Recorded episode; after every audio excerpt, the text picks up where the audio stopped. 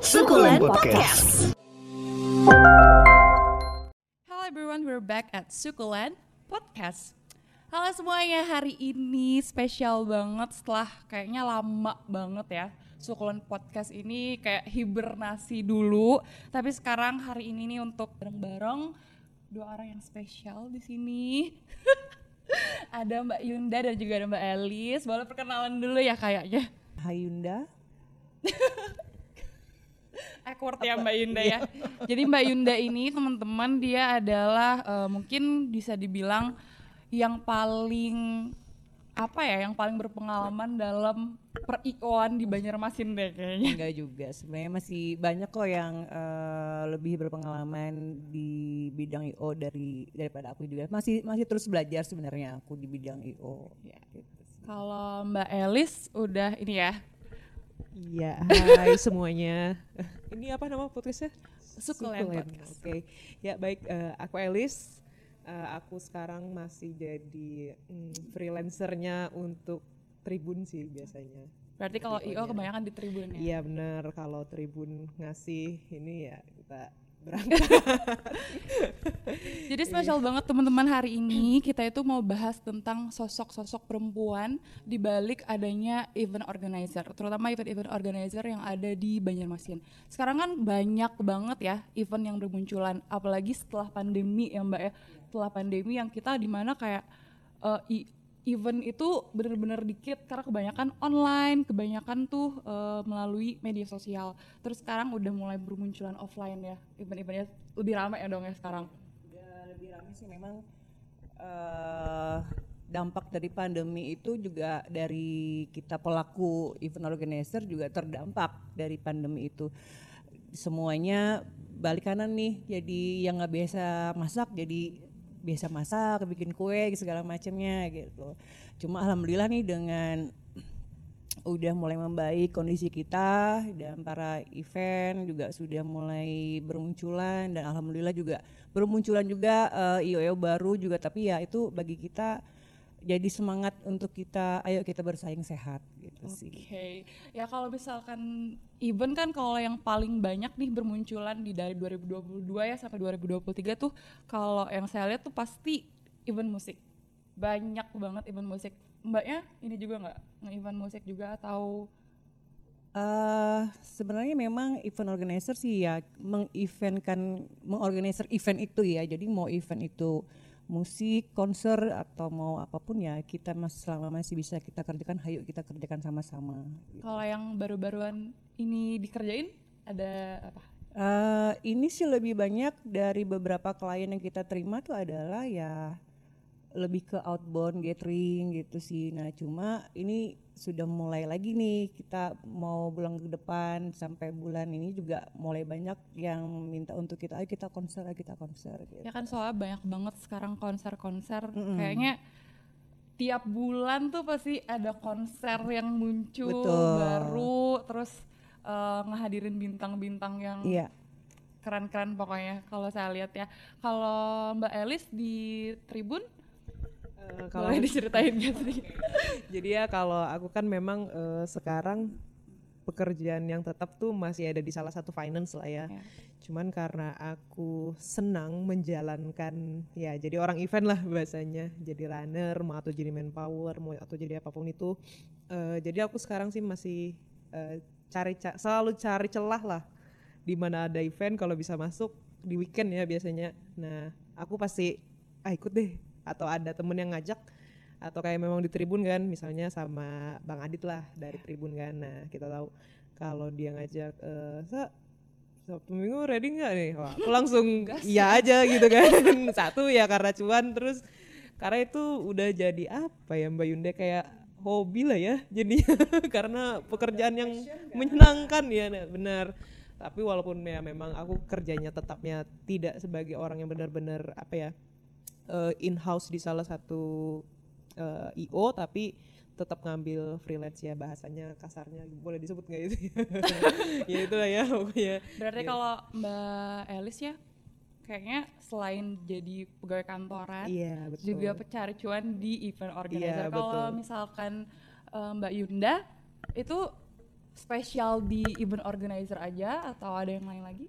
Sama sih sebenarnya apa aja jadi cuman hayo udah. Kalau yang saya Jadi- lihat sih ya, kalau saya lihat kayaknya pengusaha catering, Iya. makanan sehat juga, terus Iya nih seharusnya ini aku bawa juga nih brandnya Pedapuran Yunda ya kan di sini ya kan. Next ya nanti kalau kita diundang aku bawa deh. asik. Itu berarti ini catat ya teman-teman. catat. Kita harus merasakan Iya. makanannya Mbak Yunda. Iya jadi selain di eh, dunia event juga eh, memang eh, ada punya ini sendiri Pedapuran Yunda dan udah lama juga dan itu dan itu juga terbentuknya dari di pandemi, Pandemi itu ya. sebenarnya. Daripada kayak bingung, nggak ada event, nggak apa Mbak ya. jadi, ah, jadi ya udah kita bikin tuh menu-menu di situ. Nanti kalau mau cek silahkan ya follow IG Pedapuran underscore Yunda. Itu ngelayanin kantor, buat kantoran gitu juga atau gimana? Iya alhamdulillah ini sudah mulai berkembang cateringnya juga. Jadi kayak catering yang pasti teman-teman IO ya kan. Jadi kalau mau ada acara pesennya ke di kita deh cateringnya ya Jadi kan. Pokoknya apa yang sekali- bisa jadi ini langsung dah gitu tangkep. Kalau yang catering buat harian itu juga? Ada juga ada jadi ya selain itu eh, catering juga dan kebetulan saya juga personal manajernya dari area Dinata. Ya mungkin kalau belum pada tahu nih siapa sih area Dinata ya kan? Itu sebenarnya orang orang Banjar juga gitu yang memang dulu pernah sempat jadi vokalisnya Samson. Nah itu sekarang jadi kita yang manajerinnya Oh dia sekarang udah ini ya? udah di Banjar sekarang di ST-nya jadi ya kalau ada yang mau silakan ke kita Wah, open terus lah semuanya di sini pokoknya Berarti Mbak, Yu- Mbak Yunda terus juga Mbak Elis nih gak cuman kerja di kayak satu bagian kerja Iya. gitu ya. Terus awal mula karirnya gimana? Awal mula karir karirnya banget nih. Tapi kan kayaknya Mbak Elis sama Mbak Yunda udah kenal dari lama ya. Iya kenal. Eh, Pernah beberapa kali Mami. tergabung. Iya anak mami jadi. Ya kalau aku sih awal mulanya tuh dari 2015-an lah ya, tahu dengan dunia ya kayak gitulah eh, event-event. Tapi awal mulanya sih bukan yang memang dari kayak Manpower gitu. Cuman awalnya tuh kita aku- kalau aku sendiri pribadi dari SPG. Oh. Nah, jadi dari SPG rokok lah ya, Oke. rokok saat itu sebelum body kayak anak dua begini. Iya kayak juga sih. Jadi eh, awalnya dari SPG terus lama-lama lama-lama eh, ada yang nawarin jadi SPG itu kan kadang alurnya bisa jadi aser ya kadang-kadang juga. Nah alurnya dari situ. Terus baru kita kenal-kenal kenal banyak teman, baru ngerunning. Dan kalau dari 2015 kan sambil kuliah tuh, jadi sambil event, sambil kuliah, jadi eh, kadang sih lebih banyak eventnya. Jadi jadi kuliahnya juga ya? kelamaan. Iya. Nah jadi kuliahnya kelamaan. Lalu eh, lama-lama lama kerja eh, kenal-kenal orang kan kenal banyak. Terus di salah satu apa ya aku juga pernah kerja jadi adminnya salah satu balet lah sekolah balet di sini ada kayak apa eh, les-les balet gitu. Iya. nah jadi karena ibu itu tahu juga kan kalau aku orang event lah bahasanya sering eh, apa kerja-kerja di event. Jadi akhirnya dari situ juga aku ngambil proyekan-proyekan. Kayak Oh, misalnya mulai mereka ya, iya kayak mereka misalnya bikin acara graduation ya acara-acara apa sih kayak penampilan gitulah ya. Misalkan mereka tampil di mall atau tampil dalam acara apa kayak gitu. Nah jadi mereka ke kita ke aku lah kayak gitu bahasanya. Jadi dari situ sih yang memang benar-benar eh, oh iya ya kayak ngerasa diri tuh Kayak oh ini menyenangkan ya ya. ya ya. oh ternyata aku tuh di sini ya kayak gitu. Walaupun sebenarnya sekarang pun masih kerja jadi orang marketing tapi sih marketing sama event organizer tuh kayak kurang lebih aja jadinya Mungkin kalau uh, marketing sama event organizer juga relate banget gak sih? iya relate Biar networkingnya juga Iya networkingnya bener. lebih banyak, Nah, lebih gampang masuk iya, jualannya kayaknya Bener. juga. Jadi kayak semua juga dijual juga gitu loh. Bener. Nah itu setuju. Nah terus eh, lama kelamaan ya setelah kalau dulu kan masih sambil kuliah ya jadi masih ya masih banyak lah waktu luangnya. Cuman setelah lulus kuliah baru bekerja yang memang benar-benar bekerja di salah satu bank. oh ya. Terus eh, weekend masih bisa libur lah ya. Kalau bank kan tahu sendirilah Sabtu Minggu kan. Sabtu minggu pasti libur. Cuman kalau misalkan ada tawaran event itu juga tetap dihajar Sabtu Minggunya. Badannya gimana ya Bu? Tolong Bu.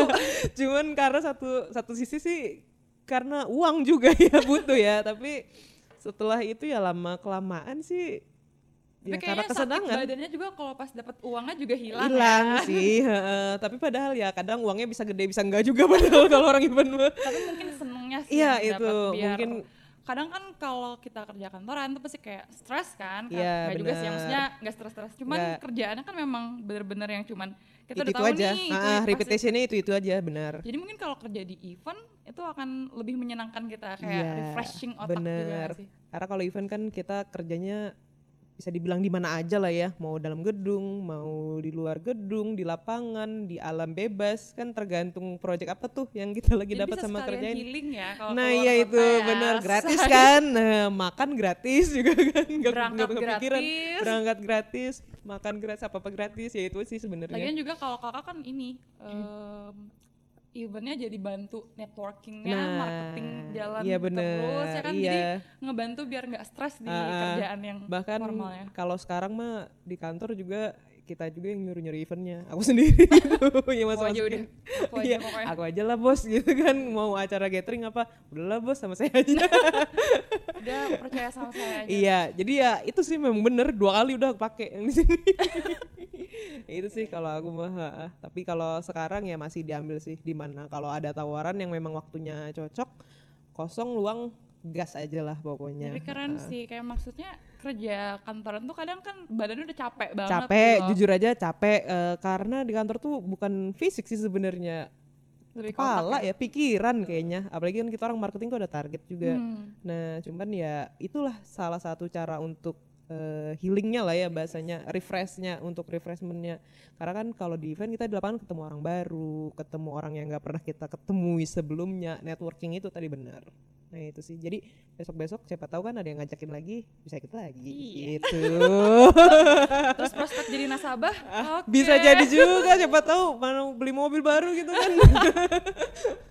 Itu sih kalau aku nih. Oke, kalau Mbak Indah, kalau Mbak Elis kan tadi dari awalnya dari SPG nih.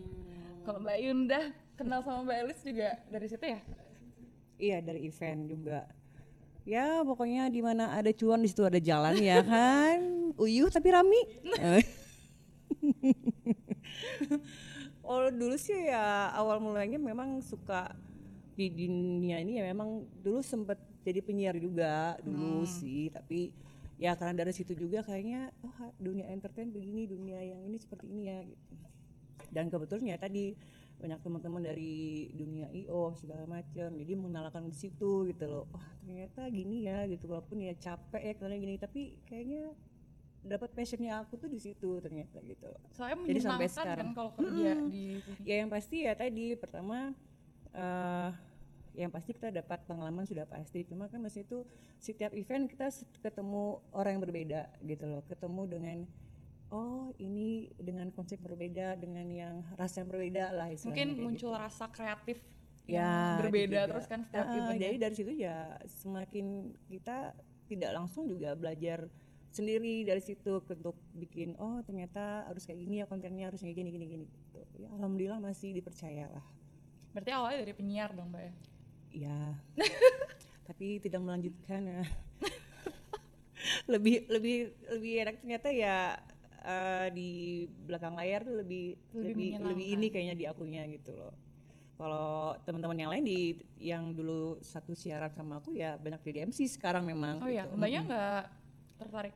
Enggak lebih Nggak lebih pernah enak pernah jadi pernah MC juga? dulu dulu pernah cuma udah stop dan udah tahu dunia IO kayaknya kayaknya di sini nih enaknya gitu. Jadi dapatnya Soalnya biasanya eh, saya kan dulu penyiar juga nih mbak. Selalu ditanya kenapa nggak jadi MC kayak gitu Iya. kan.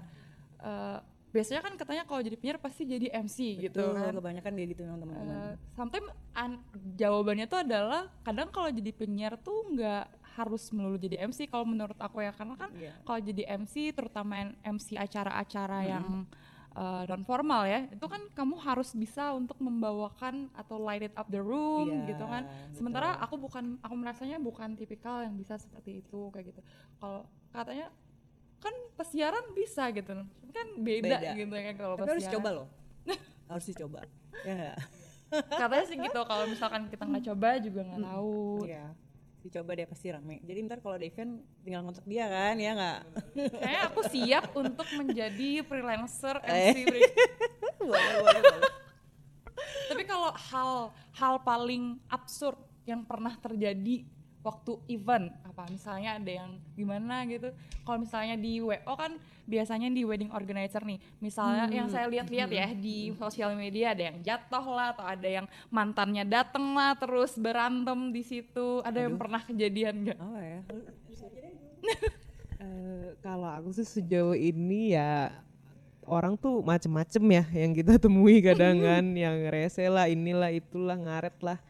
Cuman sih kalau aku eh, terakhir yang paling apa banget sih gitu kan? Jadi kayak adalah salah satu hmm, itu kayak apa ya kayak perkumpulan gitulah pokoknya. Eh, salah satu pengusaha-pengusaha gitu mereka buat Iya. acara ibu-ibu kan ibu-ibu rempong. Nah ya maaf Sulit nih ya, ya. kalau udah tahu nih maaf nih siapa tahu ada yang denger kan. Jadi eh, bukan orang luar sih tapi dari kita sendiri maksudnya dari tim kita sendiri yang buat jadi absurd jadi kayak adalah MC-nya itu Ya. nah MC-nya itu salah satu putri-putrian lah ya pokoknya Oke. nah namanya MC kan kayak yang Mbak bilang tadi kan harus Aduh, iya. ini mulai akan Eh, mungkin ada yang beberapa siapa. tahun nantinya jadi kan jadi ya gimana ya eh padahal face-nya ya cantik lah ya namanya MC kan. Kita- kalau kita kan orang balik layar kan ya sembarangan aja gitu kan. Cuman ya jadi eh dipilihlah MC itu mungkin karena pada saat itu sih io- event itu bilang event organizer itu bilang MC yang lain pada udah pada habis nih ceritanya. Hmm. nggak tahu kenapa pada hari itu gitu loh. Karena biasanya kan untuk beberapa event itu kan juga kita punya speciality ya. Kalau MCA misalnya cocoknya buat uh, kondangan. Iya. misalnya MCB cocok buat event konser yang santai-santai gitu kan. Nah kurang ngerti nih kenapa jadi yang ini. Nah terus udah tapi aku udah di sounding sounding sih katanya "Eh, aku kok agak ragu ya kata kata bos kita lah gitu kan. Oh ini ya coba aja deh gitu dulu kan. Positif aja dulu siapa tahu enggak gitu Iya. kan. Nah jadi kan namanya acara kedinasan itu selain eh bukan dinas sih maksudnya salah satu instansi ya ibu-ibu juga lah ibu-ibu dinas lah kayak gitu ibaratnya. Jadi terus kita udah aku agak takut ya. Jangan jangan enggak enggak mulai panas. Jadi kalau ngerti lah ya kalau sama orang dinas kan kadang kita agak sedikit eh, harus apa ya harus berhati-hati sih sebenarnya kan. Nah apalagi kalau kita mengundang beberapa pejabat tuh eventnya itu kan harus hati-hati dari kita. Waktu aja deh dulu nah karena kan mereka tuh suka apa ya bongkar-bongkar random kita lah. Buk-buk random lah sebenarnya. Yang nggak seharusnya tapi ya mau nggak mau kan karena balik lagi karena pejabat atau apa dia orang berkepentingan lah gitu. Cuman nih balik lagi nah karena MC-nya ini ngehandle acara salah satu instansi itu atau perkumpulan itu jadi satu dia udah datang telat tuh. Oh. acaranya pagi. Nah, jadi kan sen-sen dia lagi asik makan. Kayak aku mau briefing? Gitu. Maksudnya aku mau briefing harus nyamperin. Ya oke lah karena eh, saat itu kan ada salah satu teman kita kan jadi stage manager. Aku di bawahnya stage manager lah ya yang bantuin dia juga. Tapi eh, mungkin karena stage manager ini laki-laki mungkin juga segan kalian negur namanya perempuan kan gak enak kalau bentak-bentak apa. Terus ya tapi ya gitu eh, nanti panas lah gimana lah karena kan acaranya outdoor tuh kebetulan. Nah panas lah baru jam 10 jam 11 capek lah dan nanti dia duduk sendiri lah di panggung. Itu kan kayak kamu ngapain sih? Gitu, maksudnya. Kamu jadi MC kok gitu gitu loh. Kan MC itu kan untung harus aja dia bawa minta tiba-tiba bubar acara ya. Nggak tahu lah ya itu ya ngeri lah pokoknya gitu kan. Maksudnya kan MC itu kan ngelit ya eh, membangun crowd apa supaya dia bisa ngekontrol crowdnya kan. Cuman ya garing sih jadinya kayak apaan sih? Kayak gitu. Itu paling absurd sih selama ini kayaknya. Ya entah kenapa ya pada saat hari itu ya. Nah, kayak rempong gitu ya? Rempong ya rempong. Bener MC rempong lah ya. Tapi ya mungkin karena dia nggak pernah acara seperti itu mungkin kita juga nggak tahu sih. Labelnya sih putri putrian kayak gitu. Ya maaf nih kalau ada yang menduga-duga mungkin tapi namanya siapa ya tapi ya itulah. Tapi itu emang kenyataan karena kayak males gitu nggak sih? Kayak kita kan pengennya apa ya kan kita bertanggung jawab tuh ceritanya sama acaranya kan. Nah terus kita punya talent yang seperti itu. Kan gak enak tuh. Jadi rada malu juga. malu kan, dong sebenarnya malu. Kayak yang labelnya kan nanti ah ini nih yo ini vendornya nggak sesuai Soalnya nih sama yang kita ini. nih sama nah ya. sebenarnya sih sedikit banyaknya ke situ. Terus dia juga ada possibility untuk tidak akan dipakai lagi kan sebenarnya kayak gitu. Jadi nanti dia duduk sendiri lah di panggung gimana gimana lah.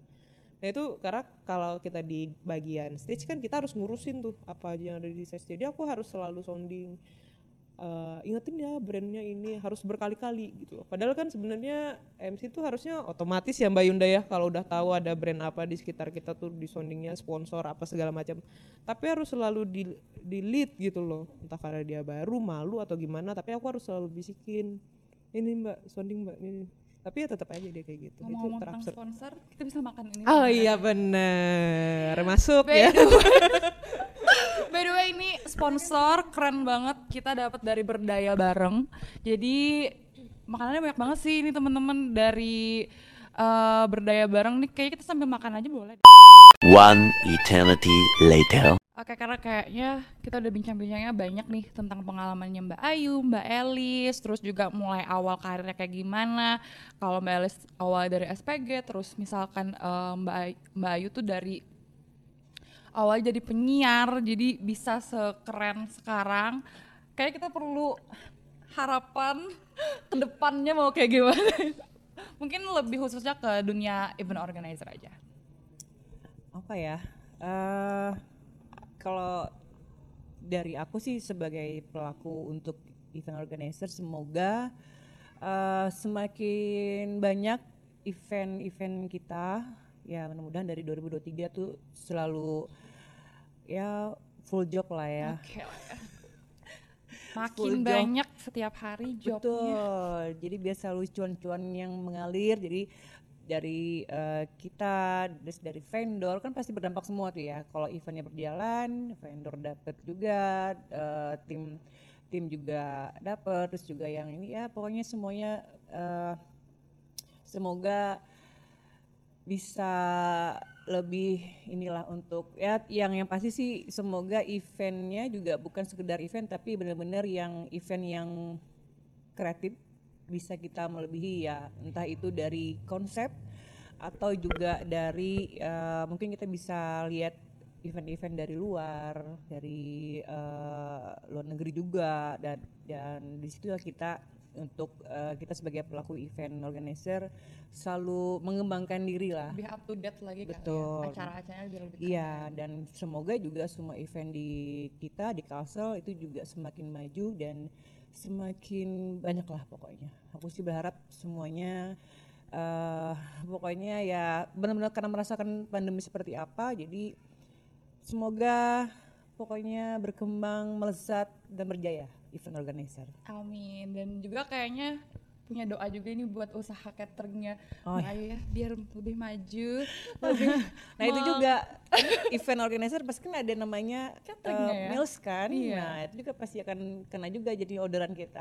dan by the way ada busway kalau Mbak Ayu nih kayaknya perlu foto-foto produknya biar lebih kece ya Siap. bisa banget nanti eh, ke ketemu studio jadi Yap. ketemu studio itu adalah eh, dia sponsor kita juga Siap. itu kalau kalian mau foto-foto yang kece-kece itu Ah, sama boleh. Siap. sama Ayu Segera, sama segera. anak-anak event organizer-nya. Boleh, bisa boleh. foto di sana dia bisa di rent studio juga terus bisa buat foto-foto produk tuh bisa semuanya jadi kalau kalian perlu jasa ketemu studio bisa langsung hubungin ketemu studio Siap. juga Pasti setelah ini langsung ya kita ya. langsung Wah. pokoknya karena ada mbaknya di saya udah Siap.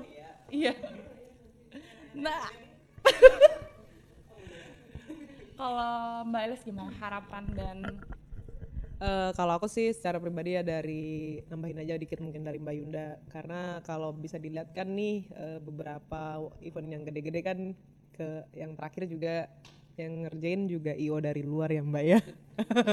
nah jadi menurut aku sih agak sedikit kenapa harus Sedih ya? pakai orang luar ya? Iya gitu kan. kenapa bukan aku gitu ya? padahal kan kalau boleh dibilang juga eh, Banjarmasin tuh juga punya IO yang raksasa lah ya di sini dan bisa ngerangkul. Iya banyak orang kreatif juga sebenarnya. Cuman kita nggak ngerti kenapa jadi bisa luar itu masuk. Tapi ya nggak apa-apa lah ya rezeki masing-masing ya. Tapi dari situ juga mungkin kita bisa belajar evaluasi diri lagi lebih lagi apa nih kok jadi bisa orang yang ngambil. Sedangkan eh, banyak apa ya eh, putra putri daerah lah sebenarnya yang bisa ngerjain itu kan. Nah yang raksasa raksasanya tapi ya nggak apa-apa deh dari situ kita belajar kita petik apa yang mereka punya apa yang baik dari mereka yaitu kita isi juga di diri kita. Oh berarti harus kayak gini ya ke depannya. Nah itu bisa jadi inspirasi juga sih buat kita. Jadi untuk pelaku event ya sebenarnya pasti agak sedikit berkecil hati lah ya sebenarnya. Nggak kebagian kebagian nih kebagian yang kecil-kecilnya aja. Tapi nggak jadi masalah. Yang penting sih kita tetap belajar tetap mau belajar tetap selalu berusaha kreatif up to date bener itu dan jangan pernah apa ya eh, merasa kecil sih sebenarnya gitu kan kita sebagai Yang pelaku event kan ngerasa kecil Iya gitu merasa ya. kecil itu kan, tapi ya nggak apa-apa. Eh, misalkan kita bera- berawal dari karirnya dari eh, manpower kayak gitu kan, nanti lama-lama belajar apa handle event sendiri, akhirnya punya IO itu kan nggak menutup kemungkinan tuh untuk pelaku-pelaku eventnya akan seperti itu. Walaupun merangkak, memang benar-benar merangkak dari nol ya. Banyak sih orang-orang yang juga sukses karena dari situ juga banyak kan. Karena gitu biasanya loh kalau orang sukses juga pasti ya harus merangkak juga kayak gitu kan. Nah, jadi sih eh, untuk pelaku-pelaku event mau itu perempuan mau laki-laki menurut aku sih harus tetap semangat lah ya terlebih untuk IO-IO lokal kita. Kita saling support satu sama lain ya saling belajar terus belajar dan terus up to date itu sih kalau dari aku pribadi. Iya. Tetap semangat bener.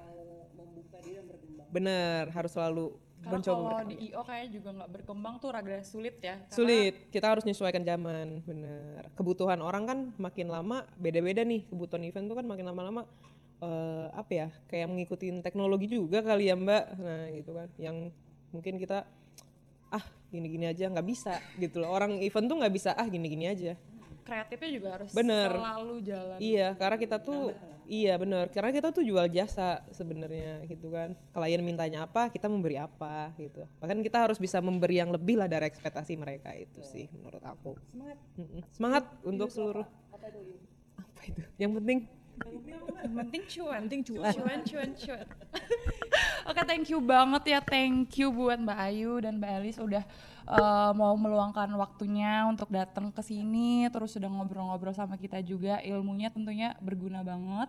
Terutama buat aku ya yang di sini. Thank you banget. Nanti kita undang lagi untuk mukbang. Acara mukbang berikutnya bersama Mbak Ayu. Oke, thank you semuanya yang udah dengerin podcast kita di episode kali ini. Em, untuk podcast-podcast berikutnya jangan lupa dan tentunya masih barengan aku. Tapi nanti ada juga yang lain sih. Oke semuanya, bye-bye. Dadah!